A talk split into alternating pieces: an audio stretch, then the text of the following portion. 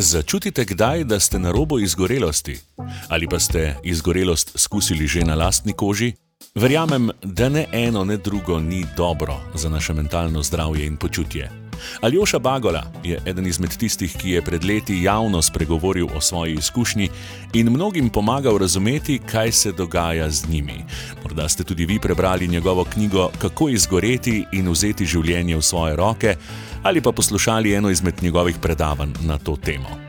Aljoša je bil dolga leta eden izmed najboljših kreativnih direktorjev v regiji, njegove marketinške kampanje so odmevale in prejel je ogromno pomembnih nagrad v oglaševalski industriji, ki je veliko krat hitra in neusmiljena. In tako je pred leti ugotovil, da je pristal na dnu, da je izgorel. Pravi, da je pisanje njegove prve knjige pravzaprav delovalo terapevtsko in mu pomagalo nazaj. Izjemna zgodba, ki morda prav vam lahko pomaga, da se še pravočasno ustavite in pred izgorelostjo naredite drugače, eh, spremenite svoje življenje, spremenite svoj načrt. Aljoša je na police ravno v teh dneh postavil svojo novo knjigo Srečo, prosim. In seveda, med drugim, govoriva v tej epizodi tudi o tem. Aljoša Bagola, dobrodošel v identiteti. Lepo zdrav. Najprej, uh, ful, hvala, da si si vzel čas, ker uh, ko greš enkrat skozi izgorelost, uh, verjetno gledaš drugače na čas. Ne? Uh, absolutno. Čas postane tvoj, najprej tvoja ključna valuta, potem pa tudi ga dojemaš kot zaveznika na način, da skrbno izbiraš. Komu boš namenil čas, komu boš namenil svojo pozornost, ki je seveda naša dragocena energija. In uh, tako se naučiš ravnati bolje. Torej, še posebej hvala uh, za to, ker si dan z nami. Jaz verjamem, da lahko marsikaj poveva. Uh, Nekaj bova rekla tudi o izgorelosti, zagotovo, se bova pa dotaknila kar veliko različnih področji, skozi katere si šel in, in, in ki jih doživljaš ti na, na svoj način. Najprej, da je va reči, Aljoša, čeprav vem, si, glede na to, kdaj to snemava, si včeraj dobil fizično novo knjigo, ne si jo lahko povohal. Res je, res je. Tak, neke vrste podoben občutek, ko uh, dobiš novo rojence, seveda, pa da ne primerljivo. Ja, ja, ja. Uh, v smislu neke ljubezni, ampak je pač neka posebna, uh, posebna stvar uh, zatipati uh, svoj trud, uh, ki si ga vlagal pač leto pa pol. V neki bolj abstraktni obliki, in to se mi zdi, da so ti fizični dokazi in knjiga, sploh kot tehnologija, ne, ki jo uh, pravzaprav uh, dojemamo kot nekaj vsakodnevnega, uh, samoumevnega, uh, je pravzaprav ravno zaradi te svoje forme, ne, kjer pač, kot si povedal, lahko povohaš. Uh, Pregneteš, eh, obračaš stran za stranjo, nekaj posebnega v naših življenjih, in eh, zato eh, se mi zdi, da moramo tudi knjigam namenjati veliko pozornosti, spoštovanja, saj so ne na zadnje naše velike učiteljice. Ja, so bile skozi, skozi zgodovino in so danes uh, spet v nekem preporodu, se mi zdi. Kaj praviš, glede na to, da imamo vse uh, Kindle in uh, vso drugo tehnologijo, o kateri bomo danes zagotovo še kaj rekla, ker jo spremljaš in, in vem, da veliko veš o tem. Ampak vse je postalo uh, ta instant gratification, ne, hitro, ne, ampak pri knjigi si pa moraš vzeti čas. In se mi zdi, da, uh, kot da so nekako v zadnjih letih. Uh, mislim, nikoli niso šle iz naših življenj, ampak da imajo v zadnjih letih spet en taki revival. Kaj praviš? Mm. Pa ljudje smo pravzaprav bitja, ki potrebujemo uh, smisel. Um, in smisel nam nekako uh, zagotavljajo zgodbe. Uh, in seveda, pač knjige so tiste, kjer uh, so zgodbe doma.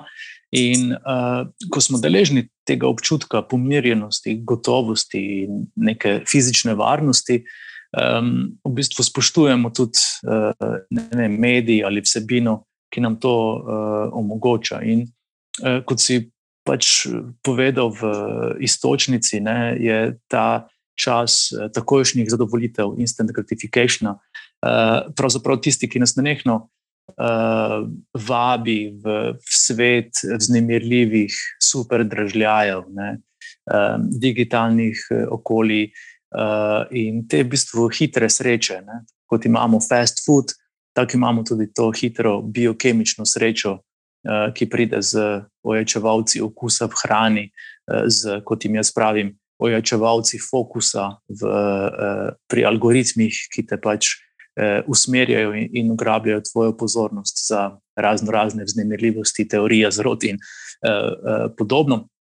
In tako v bistvu. Uh, ta nek naš osnovni namen, da pač v življenju pogruntamo, zakaj smo tu, ali pa kaj je nek smisel vsega tega, eh, nekako pristane na stranskem tiru. No? In v času eh, krize, v času eh, velikih sprememb, ljudje spet začnemo tipati za tem smislom, namenom. In kot pravim, ne, knjižna polica, knjigarne, knjižnice so zato večno zatočišče. In včasih se pošalim, uh, da na mesto, da zavijamo v lekarno, uh, zavijemo v knjigarno, uh, se bomo tudi tam dobili marsikatero in mogoče včasih celo bolj kakovostno pomiritev. Ja, je torej eno posebno, en poseben občutek imeti fizično knjigo. Ne? In mnogi pravijo, da čeprav je praktično biti na nekem Kindlu in nekih digitalnih devicih in brati, uh, pol pravijo, ne, da je pač knjiga čist druga. No? Jaz uporabljam eno in drugo, odvisno od uh, pač priložnosti in od vsebine.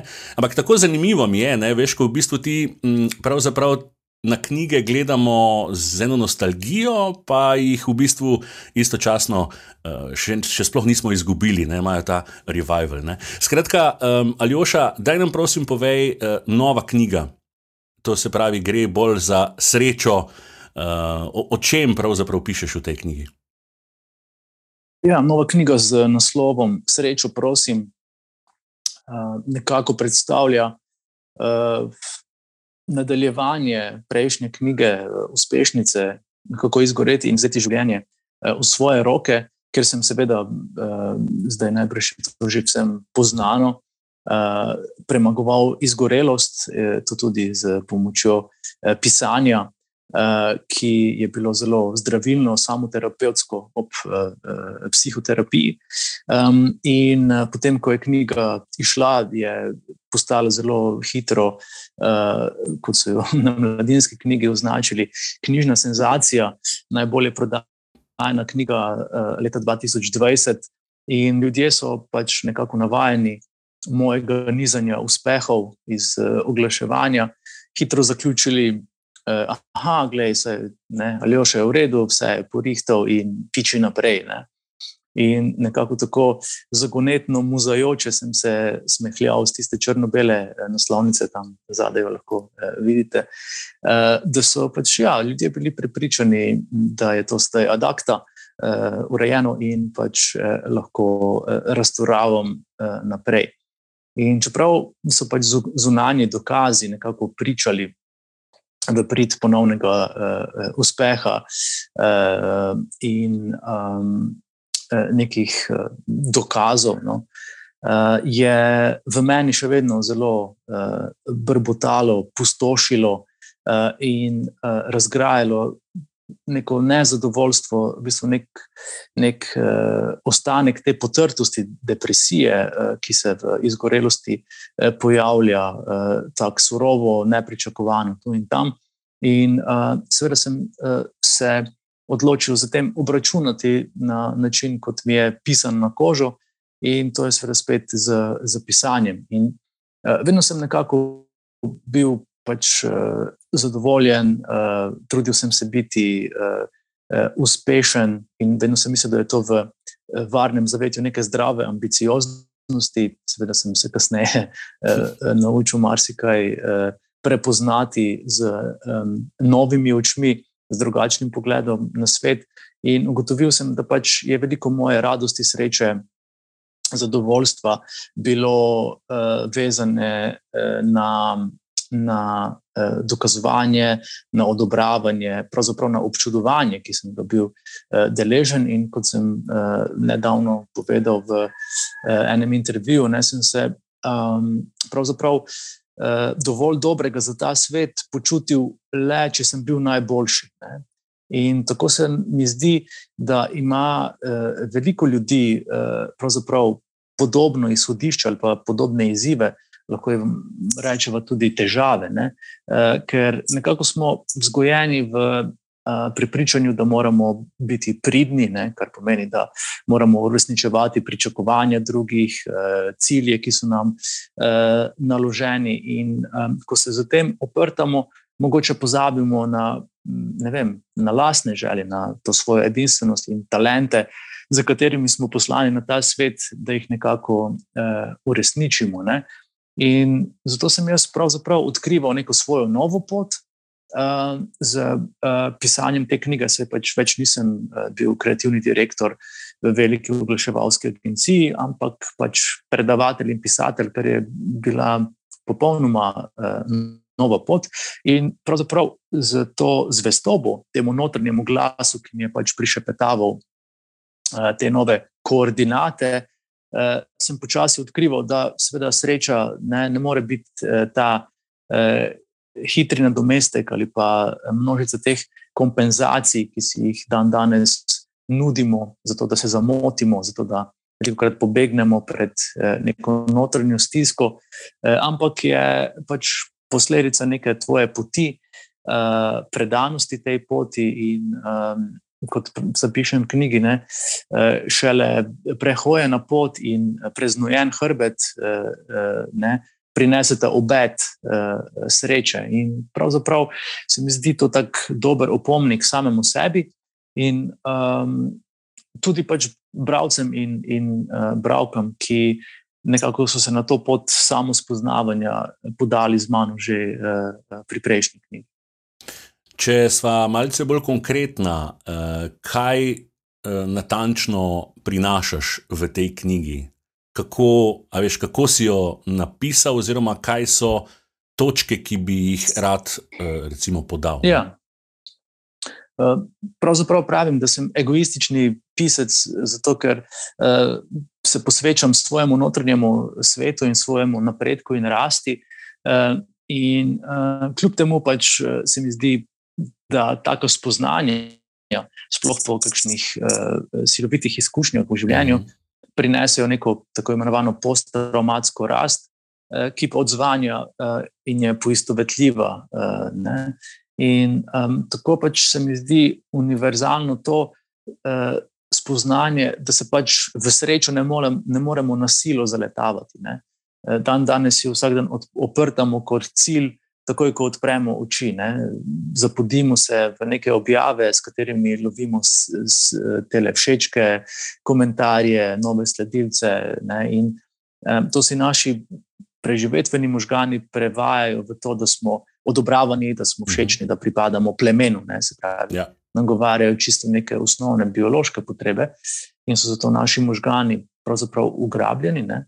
Eh, tako da pač sreča ne more biti cilj, ampak posledica, kot sem že prej eh, pomenil, omenil. Eh, potem druga pomembna stvar je to, da si dovolimo odkriti lastno edinstvenost in talente, se pravi, to, zakaj smo res poslani na ta svet. Kajti veliko ljudi pravzaprav ne vem, živi po pričakovanjih eh, drugih, ne, drugih pomembnih. Se pravi, veliko ljudi opravlja poklic, ki so jim ga izbrali njihovi starši. Veliko ljudi je hodilo v šole, ki so jih zahtevali od njih, eh, njihovi starši. Veliko ljudi živi po neposrednem nareku svojih partnerjev. Ne, in, mm. Če naredimo te pomembne inventure, ej, kdo sem jaz in zakaj sem tu, in kaj so res moji talenti, in nismo v stiku z njimi, potem v bistvu uh, zanemarjamo svojo kreativnost, kar naj privede k tretji točki. In tretja točka je to, da smo v bistvu vsi uh, zelo, zelo kreativni, uh, ampak si stika z to pomembno energijo ne dovolimo. Ali nam je spet bila prepovedana v otroštvu, v izobraževanju, v uh, vzgoji. Uh, pač kreativnost je marsikomu, uh, marsikomu ni pogodu, ker pač prinaša uh, zahtevo po spremembah, ker uh, prinaša veliko negotovosti, ker prinaša veliko možnosti za delanje napak. Mhm. In zato pač ne, jo dajmo držati stran in biti pomirjeni z takim zapečar, zapečkarskim načinom življenja in, in, in bivanja. Ne. Uh, in potem uh, četrta stvar, ki je zelo pomembna, je to, da pa moramo biti v stiku tudi z svojo slabo stranjo, svojo temno uh, senco. Recimo, in um, že davni uh, ne, univerzalni simbol. Uh, Yin-yang nam nekako to uh, stvar plastično predstavi, ne? vse je v gibanju in tako se naše, naši darovi, uh, kreposti, vrline uh, vedno prepletajo z našim slabim, uh, z tem, uh, česar si ne upamo priznati o sebi in to. Po eni strani potlačujemo uh, daleč stran, uh, po drugi strani pa projiciramo na vse druge okoli nas. Ne? In tako so vsi, eh, v katere operjamo prst, slabi, pokvarjeni, neumni, trapasti, ljubosumni, zavistni, eh, eh, škodoželjni in tako dalje. In ponavadi so te naše projekcije, to, kar v drugih vidimo kot slabo, nekaj, česar si ne priznamo o, o samem sebi. Mm. In ko naredimo to, ko gremo skozi to, ta proces soočanja z temi pošastmi iz, iz uh, nezavednega, je seveda pač uh, neka resnična sreča uh, veliko bolj dosegljiva, ker se znebimo pač tega res notranjega pritiska, pa da pokamo po šivih od nemira, tesnobe, jeze, uh, skrbi. In se potem uh, v bistvu uh, zatekamo k tem, kot jim pravim, ublažitvam, ne, uh, ki so tako pač popularne. Ne, zato se ne nehno zamotimo, uh, sediramo, ne, uh, Eh, in, in bežimo pred eh, neko resnico o sebi, ki pa potem, ko se enkrat lotimo dela na sebi, pravzaprav niti ni tako grozno. In to so pač neka osnovna poglavja, osnovna eh, struktura, stebri knjige, ki jih potem prepletam z praktičnimi nasveti o soočanju z neprijetnimi čustvi, o v bistvu tem, kako prepoznaš svojo senco, se pravi tisto neko temno stran sebe in kako to na zdrav, zdrav način um, priključiš. Ne? In že v prejšnji knjigi sem zapisal tabu buta, ne? se pravi, vse, kar potlačimo, vse, kar, uh, pred čimer si zatiskamo oči, butne nazaj v neki sabotirajoči uh, obliki. Ne?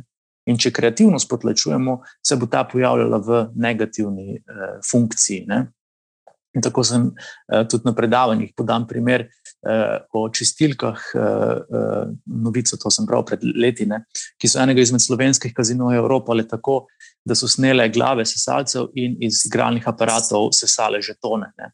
Kar je genialno, ne, to je pač vrhunska uh, kreativnost, ne, ampak je v svoji negativni funkciji. Ne. In se pravi, če uh, ne, ne dovolimo stika Eh, kreativnosti in naših talentov in to odrivamo, potiskamo stran, ne bomo mogli biti srečni, po drugi strani bo pa to uh, na zelo negativen način vplivalo na nas, na naše življenje, sabotiralo bo naše cilje, naše prizadevanja in tudi skupnost. Ne? In tako v bistvu pridemo do kreativnega računovodstva, ne?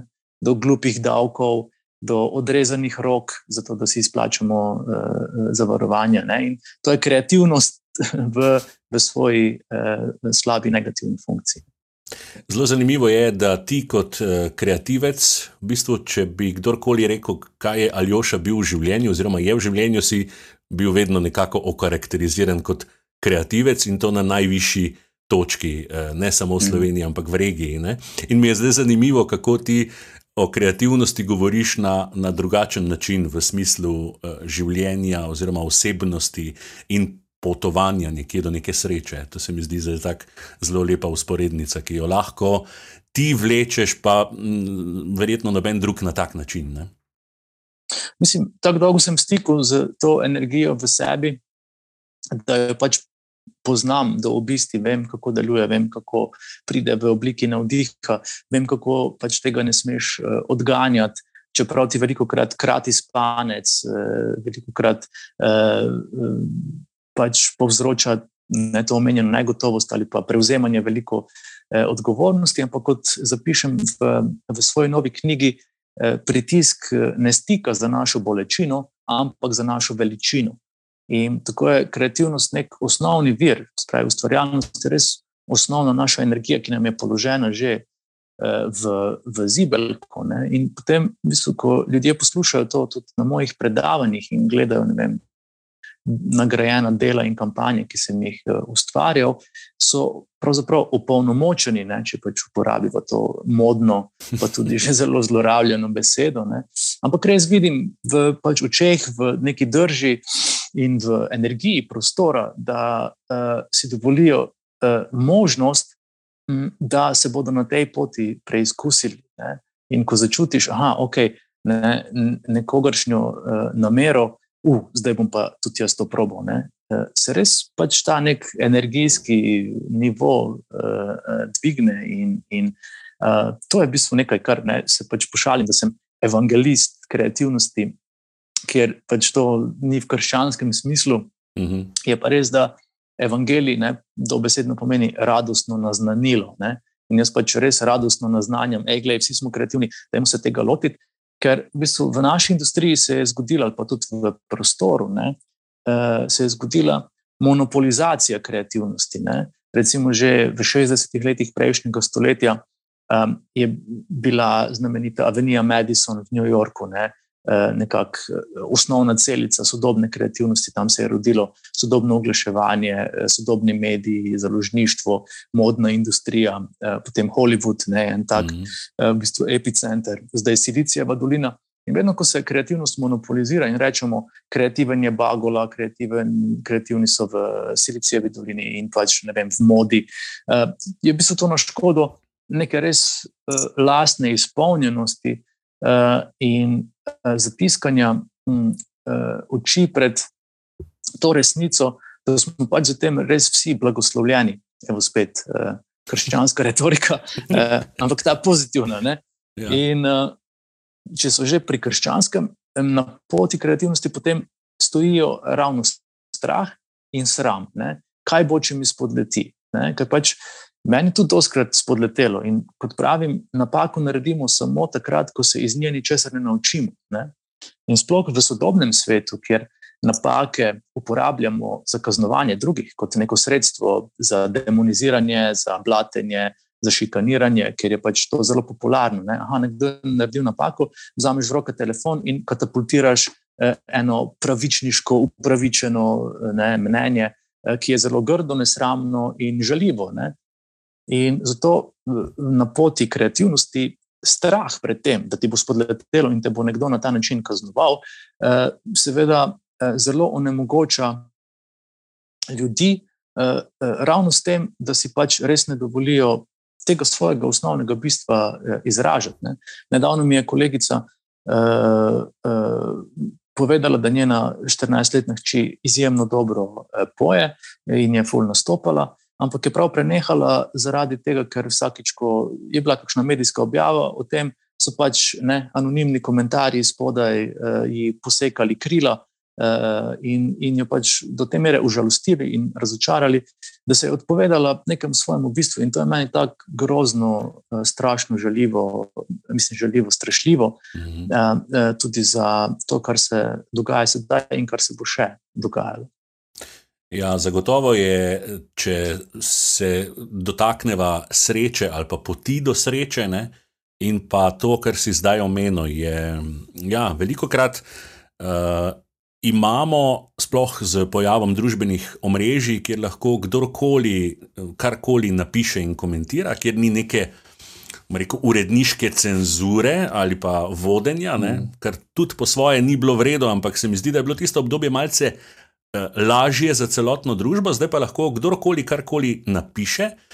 In tudi se mi zdi, da je ta diskonekt med tem, da ti nekaj napišeš uh, na Facebook, uh, Instagram, mm. karkoli, ne, uh, ali pa na neki spletni strani komentiraš, se mi zdi, da sploh ljudje nimajo ali pa nimamo občutka, da, veš, če bi to jaz tebi direkt rekel, ali oša ne, v faco. Ja. Ti tega ne bi ja. rekel, ne? ta diskonekt se mi zdi, ta, ta razkorak med tem, da take stvari objavljamo in da žalimo, in da zelo hitro napišemo najprej negativno, ali pa tako si rekel, ne pač nekoga. Onemogočimo v bistvu s tistimi komentarji, uh, je, je res v bistvu žalostna točka te družbe. Ja, jaz mislim, da so pač ustanovitelji družbenih omrežij, ki so nekako za to romantično idejo, da jim povezati svet, da jim demokratizirati mnenja, da jim opolnomočiti uh, glasove, ki niso privilegirani ali so zatirani, uh, nekako misli resno in so si pač prizadevali v tem smislu uh, vem, ustvariti tehnologije, ki bodo svet res povezale in izboljšale. Ampak ljudje delamo osnovno napako, da pač pozabljamo na svojo temno stran. Ne? v Jangu se osredotočamo samo na svetlobo, na lepo, na krepostno, in pozabimo, da je pač ta temna stran neobhodno prisotna. Se vedno pojavi, ne glede na to. Mediji, ja, ja. Absolutno. In kar so družbeni mediji pravzaprav uh, omogočili, ni to, da, da so pač zdaj. Pogrdili svet načrtno in zaradi njih je prišlo do sovražnega govora, in tako dalje. Kje pa? Uh, to je del nas, to obstaja mm. že, ne, odkar smo nastali kot, uh, kot vrsta.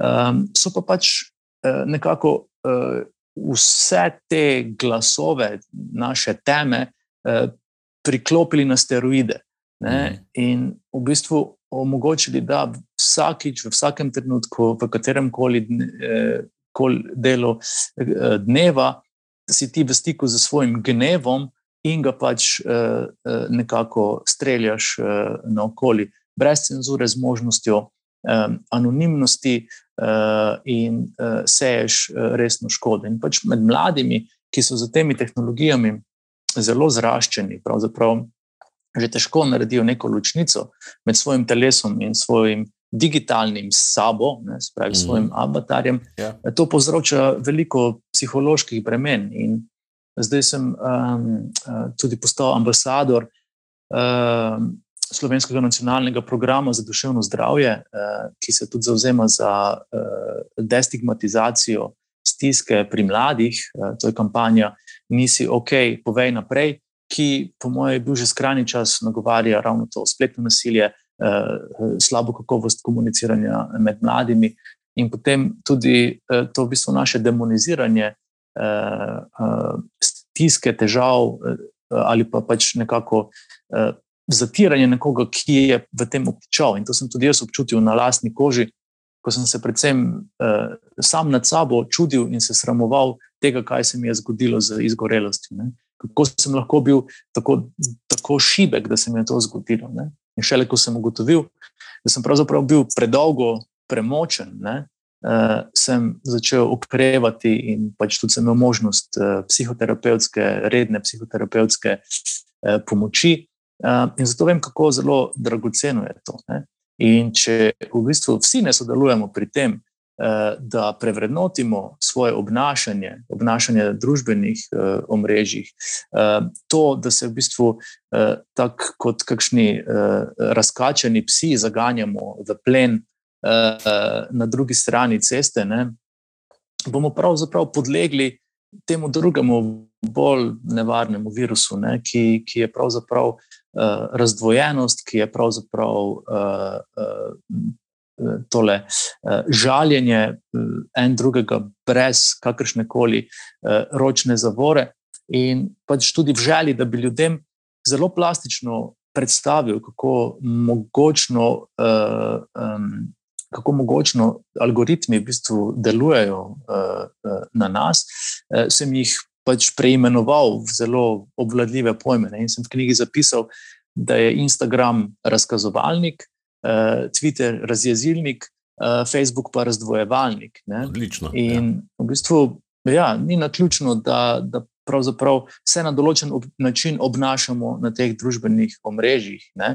Zato, ker imajo očitno to moč, da vplivajo na to, kako razmišljamo, kako čutimo in kako se posledično uh, obnašamo. Zato moramo razumeti, da, da pač je ta razkol med našo notranjo inteligenco, ki je pač, če si jo dopustimo, če eh, si dopustimo priznati svoje napake, če pometemo pred uh, svojim pragom. In med to umetno inteligenco, ki nas pač ugrabi z uh, svojo vznemirljivostjo in nas potem res tako preprosto sprehaja kot psička na vrvici, zelo velik in da moramo to, v to začeti aktivno posegati. Ne? Tudi, recimo, kot odgovorni državljani, ki bi od politikov morali zahtevati, da čim prej um, uh, spišajo in um, sprejmejo zakonodaje, ki nekako omejujejo moč uh, teh tehnologij. To bo pa seveda boj za neko avtonomijo našo v prihodnosti. Ja, tu je zelo velik razkol v razmišljanju med tem, kaj si te neke platforme ali pa ti sistemi eh, lahko dovolijo, kje so njihove omejitve. Eno je pač v bistvu, da si želimo svoboden internet in brez cenzure, po drugi strani pa vidimo, da eh, posledično s temi algoritmi, ki, tako kot si že omenil, ni nujno, ne, oziroma verjetno niso bili narejeni za to, da bi nas eh, uničili, ali pa nas naredili bolj eh, ali pa pripeljali bolj to temačno stran iz nas. Ampak, eh, ja, kje je zdaj ta prava pot? Ne? Se mi zdi, da, uh, da itak spimo kot družba in da bomo zaspali, in da ne bomo znali tega uh, dovolj hitro ali pa pravočasno zajeziti. Um, sploh, ker ti sistemi postajajo tako ogromni. In zdaj, če iz nas vabijo bolj te temačne strani in plati, je pot do sreče uh, verjetno še zelo bolj daljša, če ostanejo v tem. ja, to... ne, med, med srečo in med. Uh, ja. Če so pri ključnih pojmih. Ja. Uh, v bistvu je zanimivo, ne, ko sem nekako pisal prvo knjigo. Sem vedel, da mi je pač ta način izražanja moje kreativnosti po uh, 20 letih dela v oglaševanju, uh, zelo blizu in da dobro, sem tudi vse čas bil kolumnist uh, mm. in uh, bil v stiku s pisanjem nenehno, in da bom pač ustvarjal še naprej uh, tudi na tem področju. In nekako sem slutil, da bo moja druga knjiga o sreči. In ko sem šel googlat, uh, kako biti, ne, uh, uh, je Google, seveda, svet mi ponudil v tistem kvadratku, ki se ti razpre spodaj pod iskalnim nizom, iskalno vrstico, um, neke uh, vnaprej pripravljene sugestije, uh, ki nastanejo tako, uh, mislim, ki so povezane z najpogostejšim iskanjem Iskanje, ljudi ja. v zvezi z to ključno besedo. Uh mhm. -huh. Spravi, in ljudje so z, v povezavi z kako biti. Ne, uh, seveda najbolj iskali to, kar se mi je zdelo, kako biti srečen. srečen to je bilo ja. na prvem mestu. Ja. Kako biti srečen, na drugem mestu je bilo, kako biti samski. Ne. Očitno obstaja neka korelacija med tem. Ali bo to naslednja biti... knjiga? Če se tako vrne. ja, glede na to, da gre eh, osebno, izkustveno, da uživam v ja, okay, pol, ja, družini. Pol to ne bo. Okay. ja, ja, ja. Uh, lahko od iz svojih preteklih izkušenj. Tako, ja, ja, ja, tako, tako. Um, no, in tretji je bil, uh, kako biti uh, pozitiven, pol kako biti dobra ljubica, in potem mislim, da kako biti pozitiven na COVID. Uh, in pač ne samo, da sem si potrdil, da pač ljudje iščemo načrte, kako biti srečni. Ne? Predvsem uh, sem ugotovil, da pravzaprav želimo načrt in navodila za vse svoje življenje. Ne? Se pravi, za vsako stvar iščemo, kako se naj to, kako moram biti takšen, kako moram biti drugačen. Ja. V bistvu želimo tista ikejna navodila za sestavljanje pohištva. Ja, ali pa tabletko, oziroma injekcijo. Ja. Tako je. Ja. No, Spet instant, je zdaj. Ja. Polovica, polovica hoče injekcije, polovica ne. Za srečo, ja. tako, tako je. Ja. Uh, in uh, v bistvu, ne, kot sem povedal, te neke. Um, um, navodila, neka mm, navodila, mm, ja. uh, ki morajo biti zelo preprosto skicirana, ne kot res uno uh, ikejno pohištvo. Ne, da si na točki ena in da prideš do točke 20, moraš narediti to, to, to, to in to. Ne. In to je nevarno, zato ker s tem pač podjetja. Uh, pravzaprav beležijo vse, kar se dogaja v nas, beležijo vse naše strahove. Ne?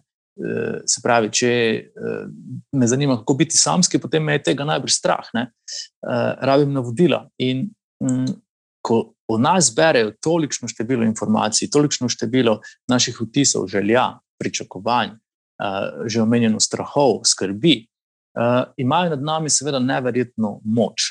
In kot smo videli že v prejšnjih epizodah, njihovega početja, to moč tudi zlorabljajo. Mm -hmm. Facebook je Cambridge Analytica podjetju ne, prodal na uh, milijone dragocenih informacij o milijone svojih uporabnikih, ne, mm -hmm. ki so jih potem zlorabili v politični kampanji za izstop Velike Britanije iz Evropske unije. Pa to pri... vemo. Ne, ja, marsičesa pa ne vemo. tako, tako. Ja, ja. Ja, večine ne večine vemo. Ne vemo ja, ja. In pravzaprav je ta naš, um, v bistvu, ta naša zatrpanost v vso to znemirljivost na zaslonu zelo nevarna. Um, in ta naš uh, digitalni odtis je pravzaprav neka naša osebna izkaznica, uh, ki pove veliko več o nas, kot vemo sami o sebi. Ne? In ko pač nekdo ve več o tebi, kot pravzaprav ti o, o samem sebi, ima možnost uh, velike uh, manipulacije. Ne? In um, zato pač kot pravim, ne mislim, da je to nek načrt zlobnih eh, ljudi, ampak je fora v tem, da so pač ti ljudje postali zelo, zelo močni. Ne? In eh, zato nočejo nadzora, ker, ker pač moč je ne, eh, res krasna stvar, ko imaš, prideš z veliko denarja in tako dalje. In ko več naenkrat ne poznaš nobenih omejitev, jih seveda tudi nočeš, da ti to postavlja. Ne? In to smo zdaj na točki, kjer pravzaprav pet podjetij oziroma holdingov ne, eh, nekako ima večjo moč, kot jo imajo zakonodajne institucije, mm. nacionalno pravo, eh, evropsko pravo in tako dalje. In zato bo pač ta pot kar trnovano, da, da ne bo tega posredovanja. Ja, o tem bi lahko posebej naredila eno epizodo, pa verjetno jo bom kdaj tudi ja, naredil. Zato, ker, težila, ja. na, koncu, na koncu ni več samo eh, 50 podjetij ali pa pet, ampak uh, moramo pogledati tudi, odkot prihaja kapital in kdo je na vrhu tistih, ne, in kdo investira kam. Praktično je, ja, je par ljudi, ki, ki uh, nas lahko zavede. Ja, ja. Kot ti dobro veš, ne, ključno pravilo raziskovalnega novinarstva je follow the money. exactly. uh, tako, tako je. Ja. Ja, follow the money. Um, zdaj, če si že to omenil, ne, recimo, to je, eh, priznam iskreno, um, mene v mojih, v mojih zadnjih uh, letih, pravzaprav dela na medijih, oziroma bolj uh, specifično na radiju, večinoma uh, zelo začelo obremenjevati. Uh, pa nismo, bom rekel, zavestno, vsaj ne, ne da bi vedel, kakorkoli hotel uh, kogarkoli manipulirati. Ne?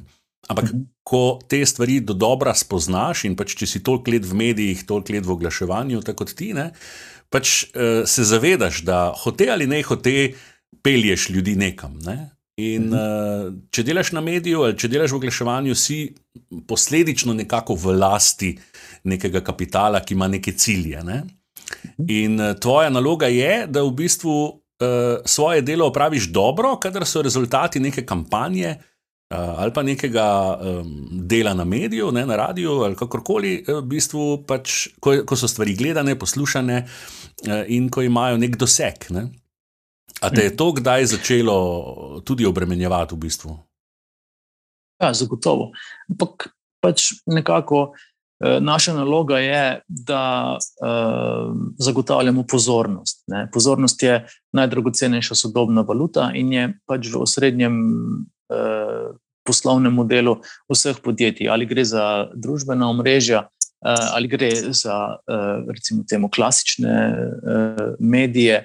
Eh, ali gre za oglaševanje. Uh, in seveda, šele ko dobimo pozornost uh, nekoga, lahko začnemo z njim nek dialog, nek pogovor. Ne. V preteklih desetletjih bil, ni bil to dialog, ampak je bilo neko enostransko sugeriranje. Gled, za srečno življenje potrebuješ tak avto, za srečno življenje moraš izgledati tako, da boš srečen, uh, moraš imeti ta in ta in ta oblačila. Ne. In to je pač recimo, klasičen uh, model tega, kako pač, uh, pridobiš pozornost, da na to sugeriraš in prepričuješ. Ne? In spet, spet komuniciraš um, v bistvu iz in, nekih strahov in želja. Ne?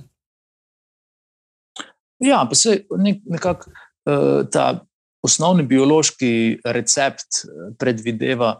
Da si pač zagotovimo fizično varnost, kar pomeni streha nad glavo, hrana, Eh, potem pa pridejo na vrsto psihične potrebe, ne? psihična varnost, da smo razumljeni, da smo potrjeni, eh, da smo odobravani, in tako pridemo do vrha te maslove piramide, če nam gre vse eh, kot po maslu, ne?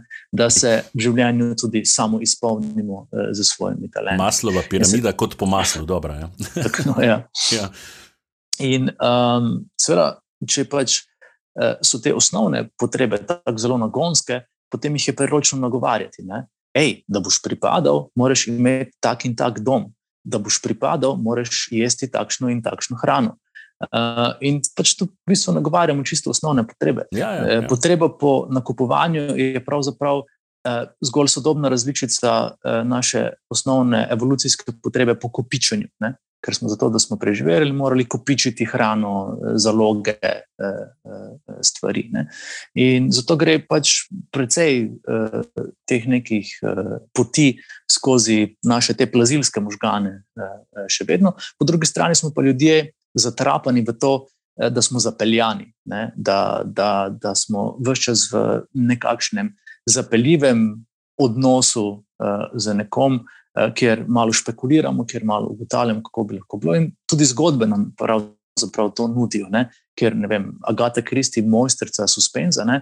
Eh, pravzaprav zapeljuje bralca vse čas, da ima v tem lupu pozornosti, kdo je, nared, kdo je zakrivil umor in tako dalje. In to so mhm. spet taki eh, osnovni mehanizmi, kjer ko združimo mojstrstvo v pripovedovanju zgodbe, recimo to, kar pač sem bil jaz v, v oglaševanju, z nekimi osnovnimi uh, potrebami, potem dobimo neko obliko uh, obnašanja, uh, ravnanja. Ne?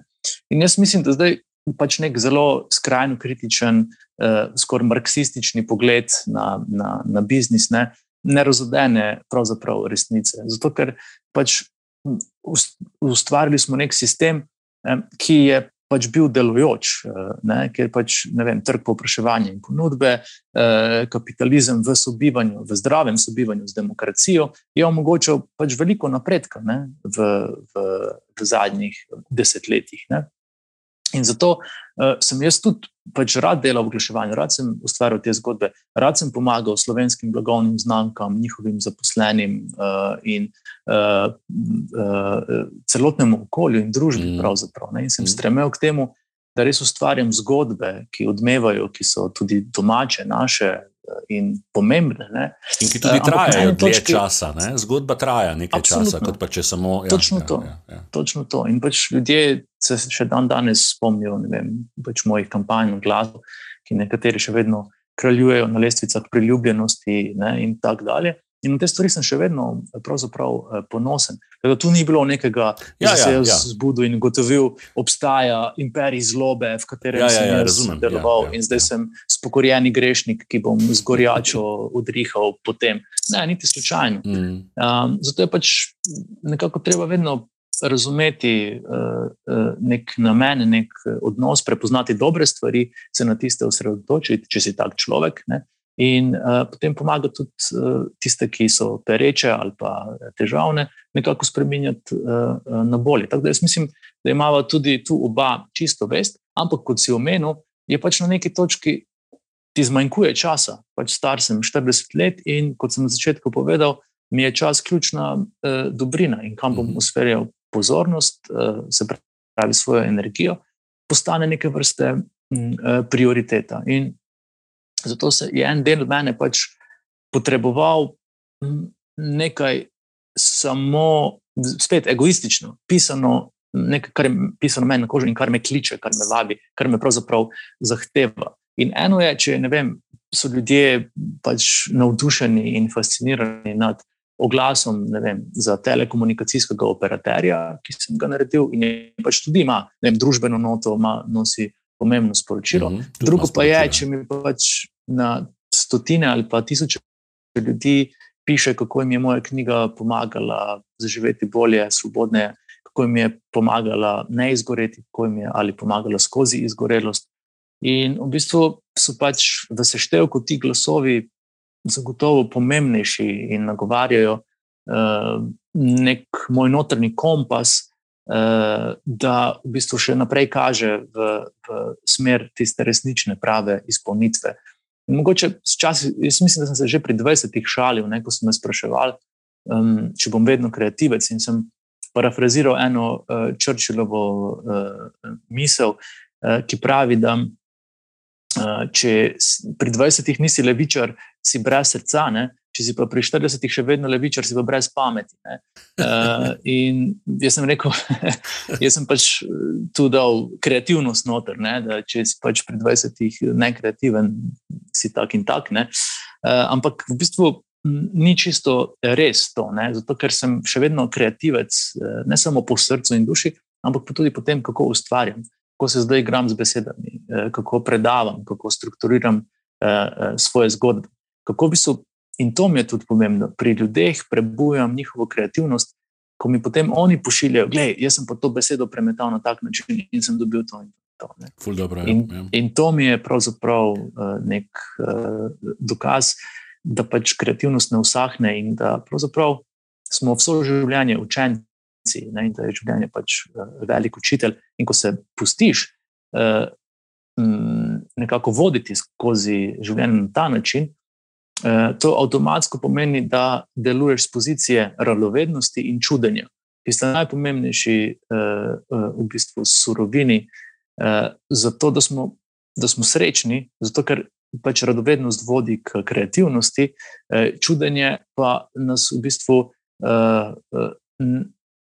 ne prepusti, da se zamotimo, da pobegnemo v držljaje, da najprej na Netflixu pa uri iščemo, kaj bomo gledali in smo potem zmatreni, da gremo raje spat ampak da se v bistvu čudimo na nekimi stvarmi, ki so osnovni sestavni del življenja, s katerim se lahko navdihujemo. In to so vem, narava, eh, odnosi, eh, otroci, eh, ljubezen, povezanost in v bistvu tako sestavimo napredek.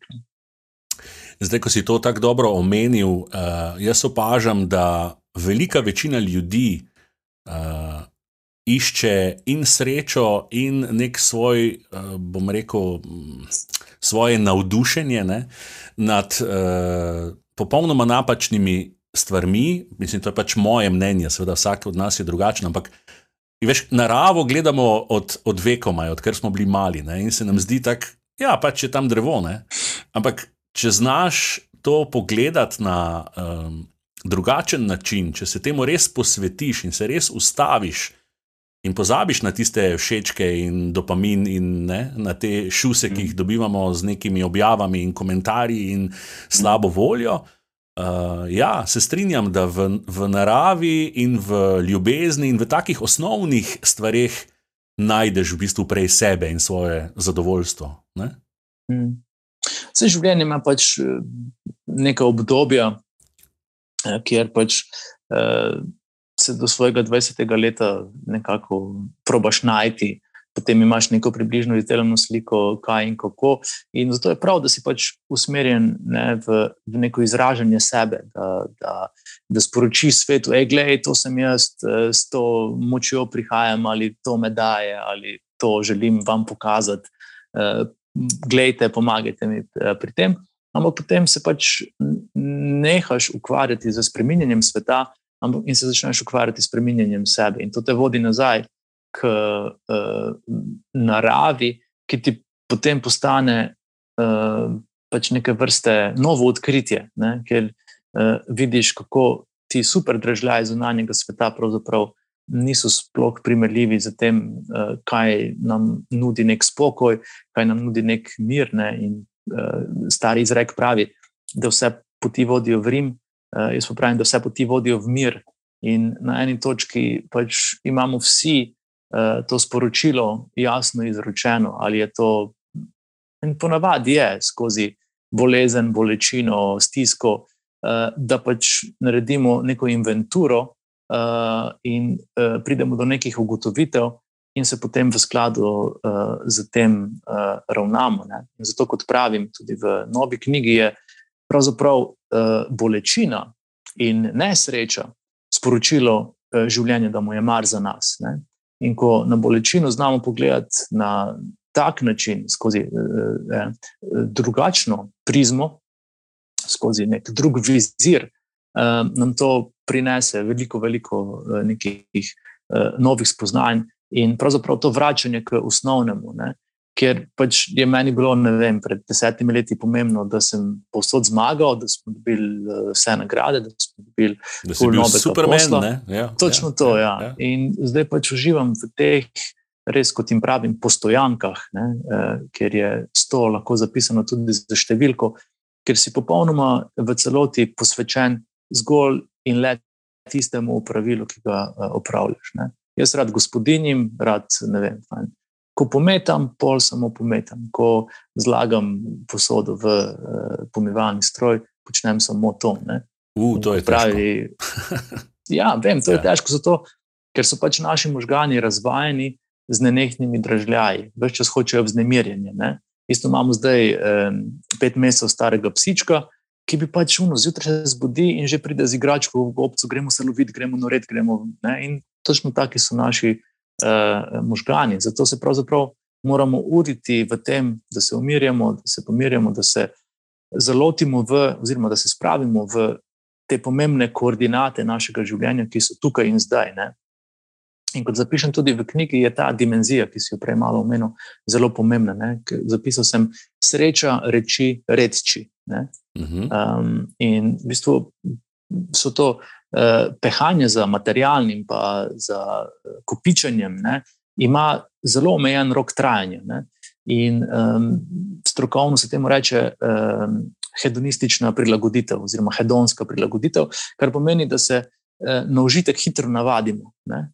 Spravi, nekaj novega pride v naše življenje, tisto si uh, uh, zagotovimo, potem smo tri dni srečni, da imamo vem, novo gorsko električno kolo, kolo ne, in dvakrat se peljemo in je noro, ampak se potem navadimo ne, in je že spet standard, in spet rabimo in pričakujemo nekaj drugega. Ne. Ja, ja, ja, ja. Tu smo padli, da so. Ja, ja, ja. Nismo bili, smo padli. Tem, pač, pač, ja.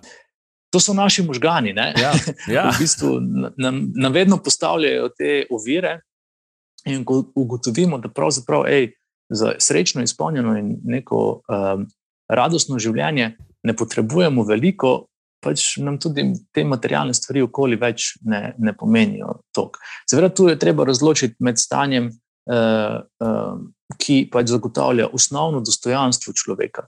Da ima streho nad glavo, da, da ima pač zagotovljeno izobraževanje, zavarovanje in te stvari. Ne?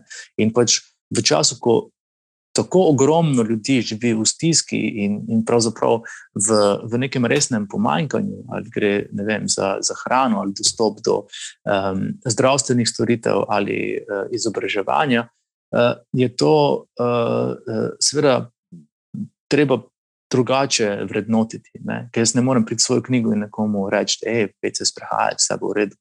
Mislim, uh, ne, tu, tu je treba uh, razumeti, da, da pač uh, je treba vem, stremeti k temu, da obstaja nek skupni imenovalec. No? In to je osnovno človeško dostojanstvo. In iz tega uh, bi morala izhajati politika, iz tega bi se moral zagotavljati uh, napredek. In to ni pač neka ne vem, uh, beta verzija socializma, ampak res neko čutenje, uh, kot je pač bilo v naših osnovnih tvorbah, celicah, in to so bila plemena. Mm. Ljudje, pravzaprav do nedavnega, uh, nismo živeli v skupnostih, ki so bile večje od deset posameznikov. In, in tako dalje. Ne? In tam je pač to bilo res pomembno, da smo sobivali, so ustvarjali in so delovali. Ne?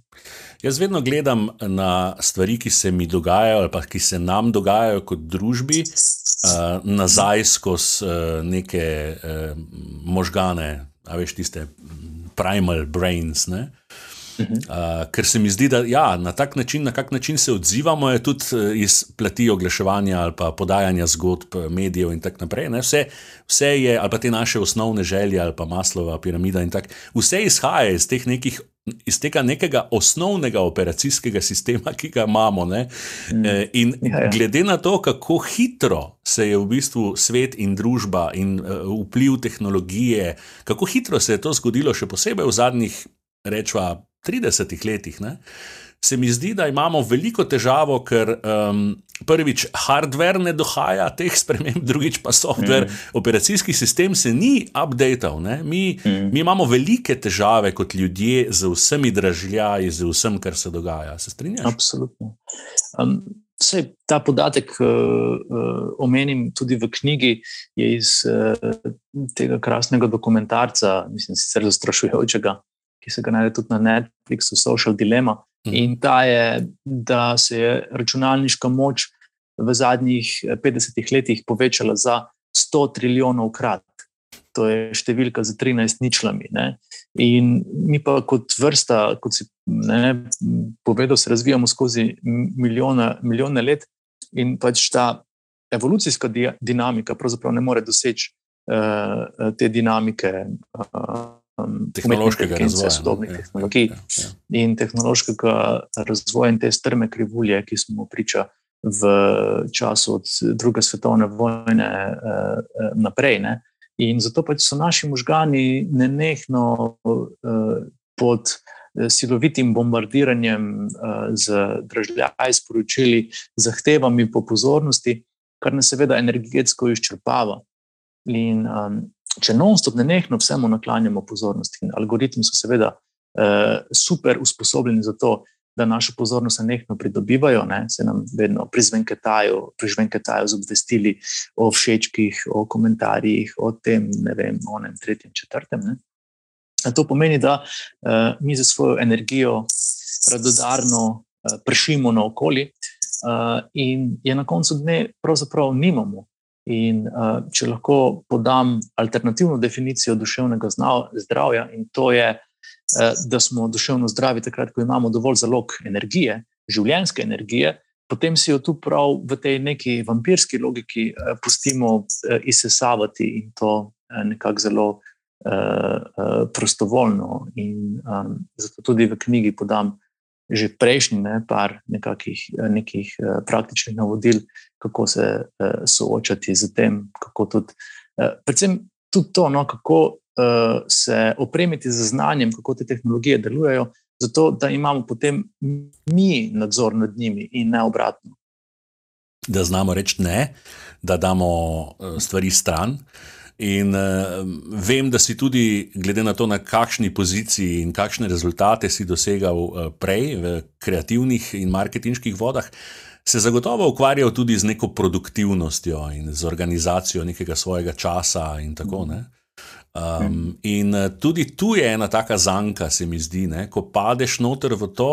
Veš, to se tudi meni dogaja zadnjih nekaj let, ko delaš na večjih projektih istočasno. Ne? Ti si nekje enkrat omenil, delal si vem, na desetih enih pomembnih projektih mm -hmm. uh, na, na firmi. Mm -hmm. Eh, takrat se moraš znati v bistvu zorganizirati, moraš voditi eh, evidenco, kje si, kaj so taski, kdaj boš kaj, ne, kdaj boš kaj naredil, koledar in mm. tako naprej.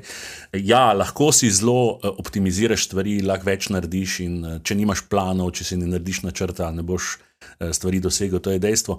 Ampak um, spet pridemo do te točke, da ja, delaš na tej produktivnosti, uh, malo kdo pa si v bistvu, uh, Aljoša, izgubil sem tvoj video. Mm -hmm. Nekaj mi je javno, da imaš ja, okay. low battery. Uh. A bo crkno? 20 postoma je no, javno, okay, sem ga napolnil. Ja. Ja, ja, okay. ja. Redko kdo pa v bistvu se spravi do te točke, da si v koledar da čas zase. Uh, res je. Um, zdaj, te tehnologije, uh, ki so zaznamovale uh, tudi poslovni uh, svet, ne? od e-maila uh, do pametnih telefonov uh, in uh, ostalih platform, uh, so veliko uh, stvari izboljšale, uh, veliko stvari so pa seveda spet nekako postavile um, kot neke vrste zahtevo. Uh, ki jo pač moraš brez premisleka sprejeti, jo oprtati in uh, uh, ja. z njo živeti. Ljudje smo zelo nagnjeni k posnemanju in primerjanju, in tudi ta uh, poslovni svet velikih uh, vizionarjev, gurujev, od Steva Jobsa do zdaj Bezosa, Maska in tako dalje, je prepreden z zelo vprašljivimi um, uh, osebnostmi, tudi duševno gledano. Ne? uh, ki pač nekako uh, postavljajo zglede, vzore. In pač večina omenjenih je narcisoidnih ne, posameznikov.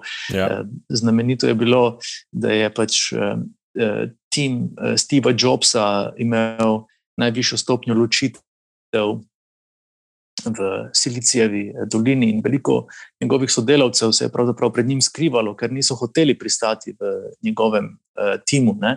In seveda teh stvari ne govorimo, kar raje poveličujemo, ne, vizionarstvo, ampak ta vedno pride z uh, neko težo in z davkom, ki ga je treba plačati. In tako se je počasi rodil ta karierni brutalizem, ne, uh, kjer smo tudi z idejo multitaskinga uh, in oprtanja čim več nalog nekako dobili možnost, da si pripnemo odlikovanje, poglej, kaj vse zmorem, poglej, kaj zdaj ja. ne vse naredim. In tudi jaz sem bil takšen. Ne? In tako je prišla v bistvu ta uh, kultura odobravanja odvisnosti uh, od deloholištva, ne? se pravi, ki je pa pravzaprav zgolj radikalna kompenzacija in pobeg od tvojih težav, veliko krat in to spet ja. lahko govorim iz prve roke. Um, da uh, so tudi tehnologije, ki od nas zahtevajo Eh, da smo na nekno alert, ne, da pač uh, pazimo, kdaj bo prišel mail, da ga ne zamudimo, uh, uh, kje imamo sporočilo na LinkedIn, na Viberju, na WhatsAppu, uh, na Instagramu, na Twitterju. Uh, in ko moramo biti na vse te stvari pozorni, nas to seveda izčrpava. In potem beremo ne, knjige poslovnih gurujev, ki pač priporočajo, da downloadite si efficiency appe, in si jih naložite, in imejte samo tri minutne postanke na tri ure. Pejte lulat, neko vas tišči, ampak uh, noste plenico, hecam se no. Ampak, ja, ja. Uh, hack, let's, let's hack our tako, life. točno to, dajmo ja. hack, hackat pa hastlat. Ja, ja. In seveda, to je recept, ko si star 20 let ne? in to ni vzdržno, to ni trajnostno za, za mm. dolga uh, obdobja. In pač uh, glamorizacija Eh, posledic tega, ne, eh, lepih posledic tega uspeha, eh, bajne slave, bajnega denarja, je pritegljiva, je vabljiva in na Instagramu potem ne vsi zatrapano gledamo, wow, gledaj, kaj so to rekli. Ja, ja. Ta temna stran, ja, ta temna stran je pa seveda ne, potisnjena v, v ozadje in uh, prepuščena nekemu svojemu uh, življenju. In zato pač ne, jaz pravim, da se danes počutimo neodgovorjeni, neodgovorni, že če imamo en neodgovorjen klic ali en neodgovorjen mail. In se hitimo upravičevati ob 11. zvečer, hej, sorry, ker nisem ja, vrnil ja. klica. Ja, ne, ja. Pač ne smemo se upravičevati za stvari, ki niso ok. Ne? Pač ljudje nismo narejeni, da bi bili na nekno srečni, ljudje nismo narejeni, da bi bili na nekno na razpolago. Ne? Zato, ker imamo zaradi psihoevolucije tudi neprijetna čustva, ki jih moramo zdravo izraziti. Ne? Zato ne moremo se ne vem, eh, opravičevati, potlačevati nekega dela sebe, ki ima pravico reči: hej, veš kaj, da je odijo. Ker pa če je 11 večer, mislim, kam on. Ja, ja, ja. Uh, Ali pa danes in... sem ti zajavil, eh, se, se, ja, se, se ja. ti oglasil, samo veš, jaz ne delam ob 11. Ne. Jaz vedno pravim, ja, tako si jih vzgojiš. Prvič se javiš ob 6. Ja. popoldne ali pa ob 7. pa ja. se boš vedno. Ne. Res je. Ja. In pač tudi jaz sem recimo, postavil zelo visok standard za to, kaj je pač iz vem, gostilniške družine, kjer smo nekaj garali, kjer so pač urniki bili od sedmih zjutraj za vikende tudi do enih zjutraj. Uh, pač mi je bilo na to normalno, normalno na ja, razpolago. Ja, ja, ja. ja, poleg tega sem zmogel ogromno stresa, odgovornosti prenašati tako z lahkoto. Uh mhm. -huh. Potem pač ja, postaviš standard, da si supermen, in potem te ljudje točno tako obravnavajo. Zato je um, vse to, kar nam pač sodobni svet omogoča, da hitro uspemo, da tudi vzdržujemo uspeh, veliko krat na trhlih tleh. Če pač nimamo stvari urejenih znotraj sebe, če nismo v stiku z potrebo, Eh, potem, da se spoštujemo. No? In to se mi zdi pomembno. To samo spoštovanje, zaupanje vase, uh, ki pač uh, uh, sta veliko krat tudi za našo slovensko vzgojo onemogočeni. Ali još, ampak to, da dosežeš neke cilje ali pa da dosežeš nek nivo, ki si ga zadaš, no, se pa greš še vedno više, običajno. Ko dosežeš nek cilj, imaš nek nov cilj v poslovnem smislu. Ja. Recimo, Ti skozi to svojo ja, uspešnost lahko govoriš o tem, da v bistvu moraš biti priden in moraš veliko delati, ne? da prideš do neke pozicije, da jo ohranjaš. Ja. Kje je zdaj zdrava mera? Ne? Ker zdaj lahko rečemo, ja, tako si rekel prej. Ne? Jaz lahko zdaj napišem, gremo na sprehod, pa je to to. Kje je zdrava mera med, tistim, um, med tistimi cilji ali pa željami, da dosežeš nek nivo, Uh, pa med, uh, po drugi strani, željo, da imaš več časa zase, ker to pač čutiš, ker ti tudi organizem daje notifikacije prej, ne, preden te sesuje. Pa med tem, da v bistvu mhm. skrbiš za, za v bistvu družino, za finančni status, oziroma, veš, mhm. tudi če ne želiš preveč, ne, kje, kje je neka prava mera. Ne um, jaz sem z besedo pridnost precej. Uh, v laseh, sem skregan z njo, um, ker zahteva podredljivost uh, in obogljivost. In uh, ravno to je napaka um, tudi v Sloveniji, da si to tako uh, zapišemo za ušesa, uh, ki, so nim, ki so nam jih toliko krat podsukali, ko smo bili poredni, ko smo delali po svoje. Um, in uh, zato pravim, da je pravi recept za prihodnost našo, da pridnosti odštejemo podredljivost, in dobimo zatem predanost. Tako okay. da predanost je osnovna surovina, zato ker eh, se mi zdi, da predvideva sledenje svojim ciljem, ali pa vsaj, eh, da si eh, v nekem osnovnem stiku z vrednotami, ki si jih v partnerskem odnosu deliš, ali v partnerskem, tudi v smislu poslovnega sveta. Ja, razumem. Ja, ja, ja. Um, in um, ko pač stremiš k nečemu, in to dosegaš z predanostjo, se mi zdi, da si na pravi poti in se pri tem počutiš dobro, kar se tiče tvojega pogleda na svet, eh, tvojih osnovnih uh, uh, vrednot.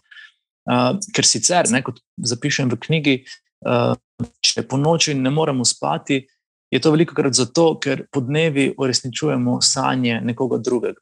Ne? In mhm, tako, mhm. v bistvu, če si priden, pomeni, da ti bo zapovedano pač uresničevati cilje, pričakovanja, zahteve, eh, eh, ki pač niso tvoje, ki niso v, v stiku s tabo. Ne? To zdaj ne pomeni, da pač mislim, da bi morala polovica ljudi v Sloveniji dati odpoved. Ne? To zagotovo ne. Uh, pač obstajajo trdne vrednostni sistemi, uh, veliko nekih zdravih uh, ambicij uh, in ciljev, uh, je pa potem neka asimetrija, ki nastopi, uh, ravno pri tem, ko si omenjal, uh, ko v to, ne vem, lastniki pač uh, cilje zadajo preambiciozno, ker niso v stiku, uh, pravem stiku z sabo. Um, ali pa da v bistvu brez izpraševanja, pravzaprav, ne mogoče bi morali tu začeti pri bolj globalnem pogledu, uh, da brez izpraševanja še vedno delujemo po zelo zastarelih navodilih kapitalističnega sistema.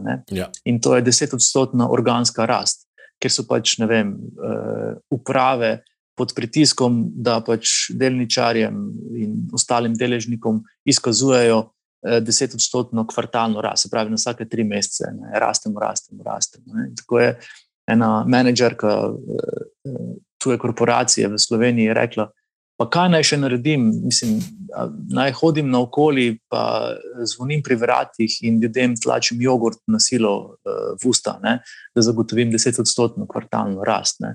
In pač tu, v bistvu, se zdi, da smo dosegli. Ja, ja. Ja, dosegli smo plafon in vidimo, da pač uh, uh, okolje zaradi tega trpi, uh, duševno zdravje zaradi tega uh, trpi, in da pač više dalje, bolje ne gre. In če naredimo neko uh, evalvacijo tega, kaj uh, narediti, uh, v tem primeru je pač res prisluhniti neki pač po eni strani intuicijski logiki, ker je to naša zelo pomembna biotehnologija, ki pač ti pravi, hej, gledaj, ne, oladi, dovolj je, uh, rabiš to, to, to in to. In da pač uh, uh, znamo pobegniti pred nenehnim dokazovanjem, ker pri veliko ambicijah, recimo Steve Jobs, ne, kar je mene najbolj presunilo in potem tudi odprlo oči glede njega v uh, njegovem dokumentarcu, oziroma dokumentarcu o njem, um, ki se začne tako, da um, so v bistvu uh, zgodba o tem, kako je kot štiriletnik uh, se igral na igrišču z prijatelji, ful je bilo fajn, super. In je potem povedal, um, da pa, pač on živi z krušnimi starši. Ne. In potem ga je ena deklica vprašala, kaj, a tebe tvoji pravi starši niso imeli dovolj radi. In potem je Boom, ja. jokal in stekel domov, ja, in to je v bistvu pač njegova osnovna travma. Mm -hmm. In v bistvu, ko pač ne razčistiš z nečim tako globokim, nečim tako traumatičnim iz uh, uh, otroštva, zdaj ne pravim, da je to pri vseh uh, tako, ja. potem se to v bistvu ne nehno vrača ta potreba po tej ljubezni skozi dokazovanje, skozi odobravanje, skozi to, da te vsi občudujejo. Ne, in tako dalje. In tudi jaz, kot ne, gostilniški otrok, sem imel mogoče manj pozornosti staršev, kot bi jo uh, kdaj želel. In pač vem, da sem moral z tem kompenzirati uh, do določene mere, kot mi je bilo pač tudi privzgojeno, delaj, delaj, delaj. delaj. Pač vsi smo delali, delali, delali. delali In ko to neizprašeno odneseš v življenje, in k temu priključiš svoje talente, kot sem imel jaz to srečo, ne, seveda postaneš zelo hitro uspešen. Ne. Eh, po drugi strani pa te potem ta strast, ki te podžiga skozi ta traumatizirajoči vzorec, ne, eh, na eni točki eh, pravzaprav ožge s temi plameni ne, in začneš izgorevati. Tako da poslušati se, razumeti. Pogovarjati se, evo, to je zelo pomembno. In v novi knjigi spomnim na starodavni recept. Ne? Ko so ljudje prišli k vraču, ne, se pravi k plemenskemu zdravniku, in so potožili, da se počutijo slabo, jih je ta najprej vprašal, uh, ali uh, dovolj uh, uh, plešajo, dovolj pojejo in ali se dovolj pogovarjajo. Ne? In zato sem ta uh, recept imenoval uh, Pojdi v 3P. če, če se ne počutiš v redu, pojdi v trip, več se pogovarjaj, več poj, več pleši. In to so neke osnovne surovine našega življenja. In pravzaprav se v tem individualiziranem svetu, kjer smo prezaposleni eh, z objavljanjem sebe, eh, z presežniki, gledaj, kaj sem naredil, gledaj, kak sem to, gledaj, kak sem mhm. to, gledaj, kak sem ono. Ne, eh, zgubili to podstat potrebe po skupnosti, ki jo zamenjujemo samo eh, za pač nek socialni agregat, ki pritiska srčke pod ja, naše ja. Uh, objave. Ne? In uh, pojemo in plešemo samo, če se dovolj nacedimo, kar tudi ni prava receptura. Uh, zato je treba se vračati k vračem in uh, k tem njihovim nasvetom. Zato pravim, pač, uh, se slabo počutiš, pojdi v 3P. več, več poj, eh, pleši in se pogovarjaj. Dobro, lahko bi na koncu še S dodala, ker tudi tega nimamo dovolj običajno, ne? ker nimamo časa za. Seks, ne? Veš, tak, to so tudi okay, ne, ja. mogoče, ne? 3P in 1S. Ja. Ja. Ja. Tudi to je, če uh, več Netflixa gledamo, kot uh, imamo posteljnega razvedrila, ja. slab simptom. pa, ja. Glej, um, ful je enih stvari, ampak uh, počasi uh, zaključujeva z eno um, tematiko, ki se navezuje na vse skupaj. In to je, um, zdaj, ki si rekel, ja, kot gostilniški uh, otrok, v bistvu pa. Ne, um, nekje si enkrat, ful je lepo rekel, verjetno tudi zapisal. Um, Da v bistvu redko kateri otrok pride poškodovan iz otroštva nekaj ne v tem kontekstu. Ja, da, ne, red, da, da ne moramo ja, biti nepoškodovani. Ne? Ja. Ja, um, ja, vsi imamo neke. Uh, Pa se to, to ni, da nam je ne vem, kdo starš ali pa kdo drug v bistvu zdaj dal neko travmo, ampak vsak ima nekaj. Ne? In tega se tudi moramo zavedati. Se mi zdi, da se marsikdo tega ne zaveda. Ne? Absolutno. Pač nažalost uh, so nekateri v otroštvu pač priča uh, uh, grozljivim stvarem, strašnim travmam, s katerimi se potem pač morajo več ukvarjati, veliko truda in energije, življenjske energije, temu posvečati skozi življenje. Drugače pa. Prav ni mogoče, da ne bi prišel nepoškodovan, ker, recimo, naj začnem z te strani. Ne? Znanstveniki univerze v UCLA, uh, um, oziroma UCLA, so izračunali, Eh, da otroci do desetega leta slišimo 150 tisoč starševskih nejev. Ne? Se pravi, jezik vzgoje je jezik prepovedi. Pač, glej, otroci smo, ne, ko smo otroci, smo uh, pač celovita bitja, čustva izražamo vse povprek, deremo se, kričimo uh, in tako dalje. In na en način je to zdravo, zato ker z jezo hitro obračunamo, za mero hitro obračunamo in se spet posvetimo sreči, radosti, veselju, čudenju, to, kar pač pomeni biti otrok in to, kar je božansko pravzaprav um, v nas. Ne? In zato, da bi nas kultivirali in civilizirali, da se, ne vem, ko smo stari 40 let. V Merkatorju ne mečemo po tleh, ker nam je nekdo jogurt eh, pred nosom eh, vzel, ne zadnji po našem okusu. Nas morajo pač starši eh, spraviti na nek uh, zadovoljiv skupni imenovalec konsenza družbenega dogovora in to pač počnejo z nej. Ne? Ne, ne, ne, ne, ne, ne, ne. Kar je pa zanimivo, je, da pa pravzaprav um, uh, naš notranji glas nastane tako, da ponotranimo glas svojih staršev. Uh mhm. -huh. Se pravi, naš notranji glas, je, ki ga mi posvojimo, je glas prepovedi. In zato smo do sebe nenehno kritični, zato si nenehno očitamo svoje napake, svoje pomanjkljivosti, svoje spodrsljaje in potem bentimo čez sebe, zakaj si takšen, ne, ne morem se zanesti na te. To je naš notranji monolog. Ali pa zakaj se ženemo. Ne? Recimo, tako, ali pa pač. Ja, ja. Nikoli ni bilo pride, dovolj. Ja, ja. Tako, tako. E, to že pride potem e, e, malo kasneje. In zdaj, prej sem povedal, otroci so celovita bitja. Se pravi, mi pridemo z vsem razponom čustev, z vsem, kar pač psihoevolucija meni, da je dobro za nas. Uh, in um, to je, da svoje čustva, tako prijetna kot neprijetna, zdravo izražamo. Ot, otroku ni nekaj povšeči, začne jokati. Ne? In potem, ko je dovolj star, pač starši rečemo: Nehaj se smeriti, ne deri se, pojdi naredi to, kar sem ti naredil. Ne? Se pravi, zahtevamo pridnost in zahtevamo uresničevanje ciljev nekoga drugega. Uh mhm. -huh. Seveda, starši ravnamo v dobri veri, hočemo, da je našemu otroku jasno, da življenje ni ringa raja. Uh, ampak otrok tega ne razume. In po enem točki misli, da jaz sem uh, v bistvu popolnoma odvisen od teh dveh, ne? zato ker pač mi zagotavljata hrano in zato, da mi bosta hrano dala, moram ustrezati uh, njunim pričakovanjem. Ne? To je v bistvu naši plazilski preživljeni možgani, ja, ja, ne nekno kalkulirajo te uh, odnose in potem trgujejo uh, na ta način. Ne. In seveda vse te lastnosti, ki staršem niso všeč, ne, ki so jih prepovedali, uh, mi hočemo skriti, ne, hočemo jih izbrisati. Ampak ker se jih ne da izbrisati, jih potlačimo in jih ženemo iz naše celovitosti. Uh, enkrat, recimo, tudi, tudi ta način, ne, pač z materni starši pridajo domov otroka pa zanima vse mogoče. A ti kaj je to, mama, kaj je to, kaj je to, kaj je to. Radovednost, čudenje. Mm -hmm. Starši rečejo, daj mi mir, ker sem zmatran. Ja. Kaj naredijo? Demonizirajo radovednost, prepovejo radovednost, otrok reče. To pa ni dobro, biti, ni dobro spraševati. Ne? Recimo, meni je še vedno fascinantno. Ljudje eno uro in pol uživajo na predavanju, potem pa še vedno v Sloveniji nihče ne upa nič vprašati, ne? ker je bilo prepovedano, ne sprašuj. Ja, ja, ja, ja. Ali pa to bojo mislili, da če vprašam, da, da nečesa nisem ne razumel, ali pa ne vem. Pa, ja, ja, da sem, ja, ja, točno, ja, to, slabo ne. poslušal, da ne štekam. No, in da se vrnem, da ne, ne, um, ne zgubim um, te pomembne v bistvu, istočnice, uh, hvala za njo. Uh, v bistvu vse te prepovedane substance, ki jih izženemo ne, stran, postanejo naša senca, to, kar sem prej govoril. Ne. In se pravi, v naši družini ni bilo dovoljeno uživati, biti len, moral si uh mhm. -huh. pač delati. In uživali smo lahko, ko smo oddelali šihte in si potem privoščili eh, ne, zajtrk ob 11. zvečer. Eh, zdaj malo pač. Ja, ja, ja, pa, ja. Da ne boš narobe razumel, razumem. Ja, ja, ja.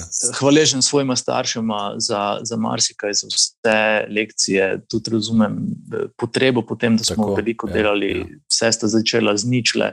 Uh, garala, se trudila, vzgajala otroke, res uh, kapo dol. Um, no, in recimo pač Lenoba. Ne? In jaz sem vedno sem šel na živce, užitkari.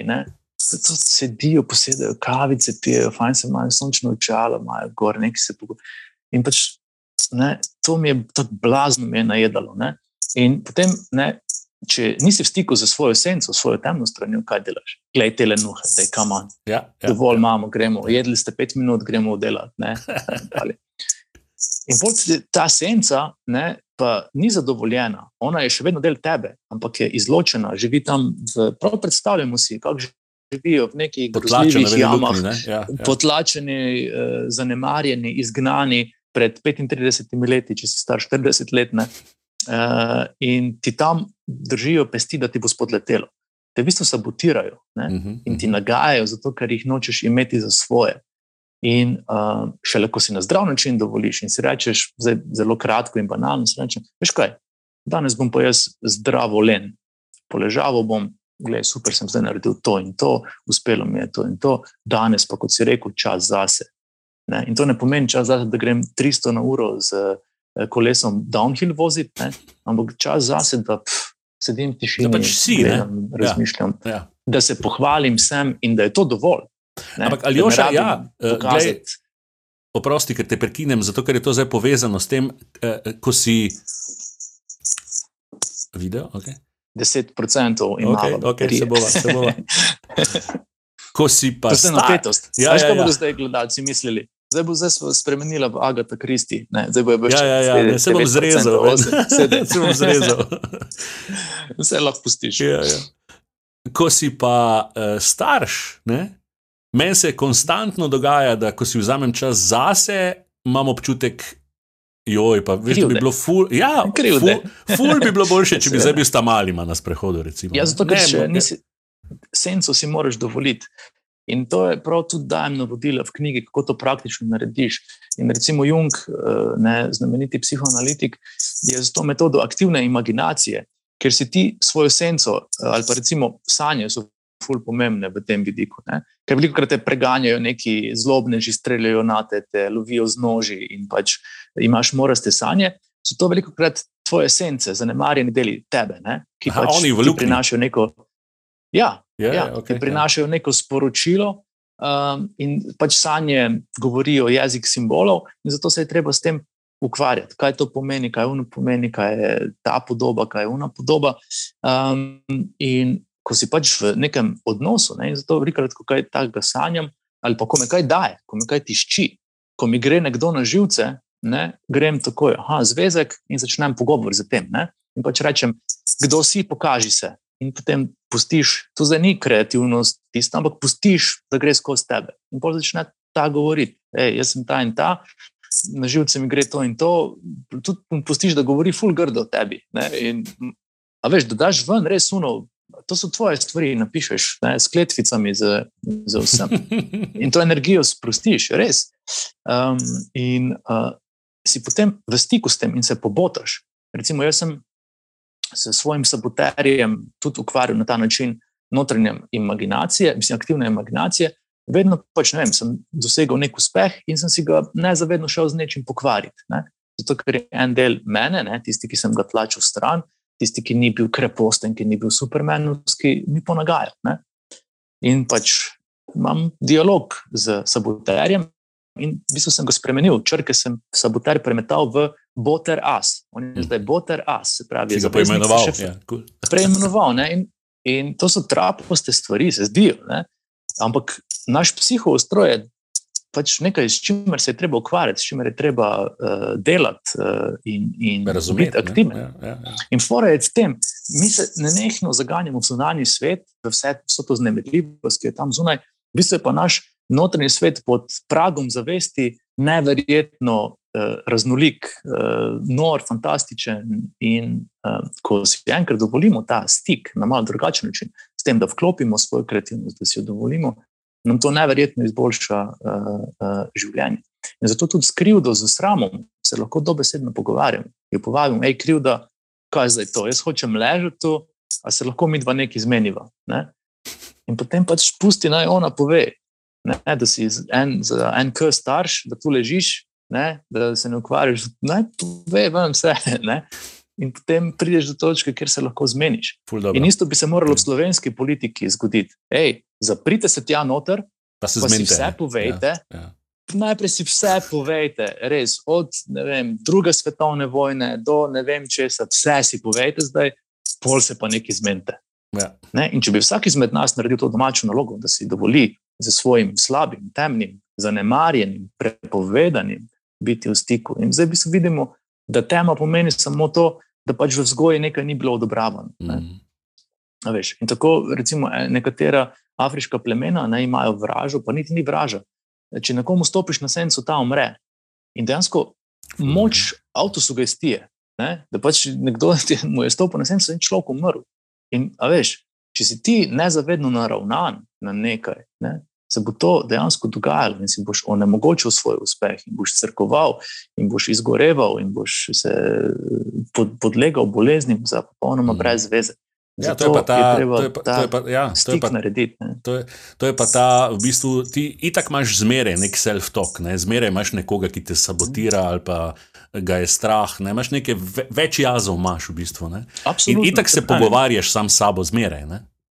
Ja, ja. Pravim, znotraj je toliko pestrih likov znotraj nas, in pač, ne, to ne pomeni, da si schizofren. Uh, če se pač pogovarjaš z enim vidikom sebe, ki je dejansko legitimen del uh, tebe in ga lahko z domišljijo spraviš do pogovora in potem pobotanja in izboljšanja pač svoje sreče.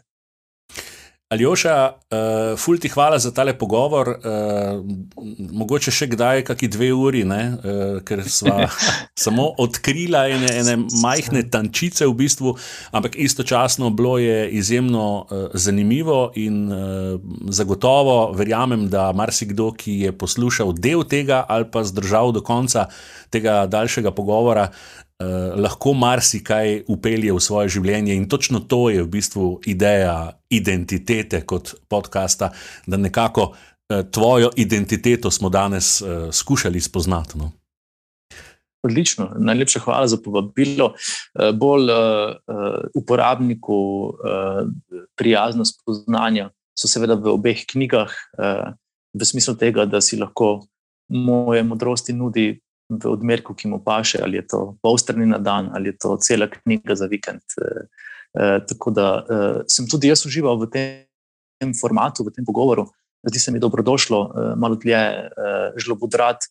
Eh, in se pogovarjati, eh, kot smo vajeni eh, v času mikroprozornosti. Mm. Tako da dobro, da me nisi povabil na kak TikTok pogovor. Tri minute ali pa minuto, pa pol. Ker bi pomahal, pa ja, pokazal ja. knjigo, zaplesal in šel. Se to, vidiš, to je zdaj tako, si vzameš čas zase, ne si vzameš čas za identiteto in to je v bistvu čas zase tudi lahko, Absolutno. zato ker smo marsikaj, marsikaj odkrivamo v teh pogovorih.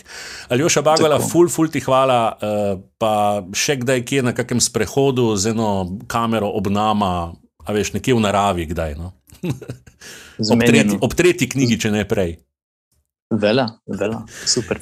Hvala ti, ker to počneš, hvala ti, ker si šel iz v bistvu ene zgodbe v zdaj novo zgodbo, kjer eh, veliko ljudem lahko še bolj pomagaš. To je pač moje videnje. Da, dobro, da si imel pogum in da ni bilo strah narediti tega, tega premika. Pravzaprav hvala za uh, naklonjen uh, povzetek.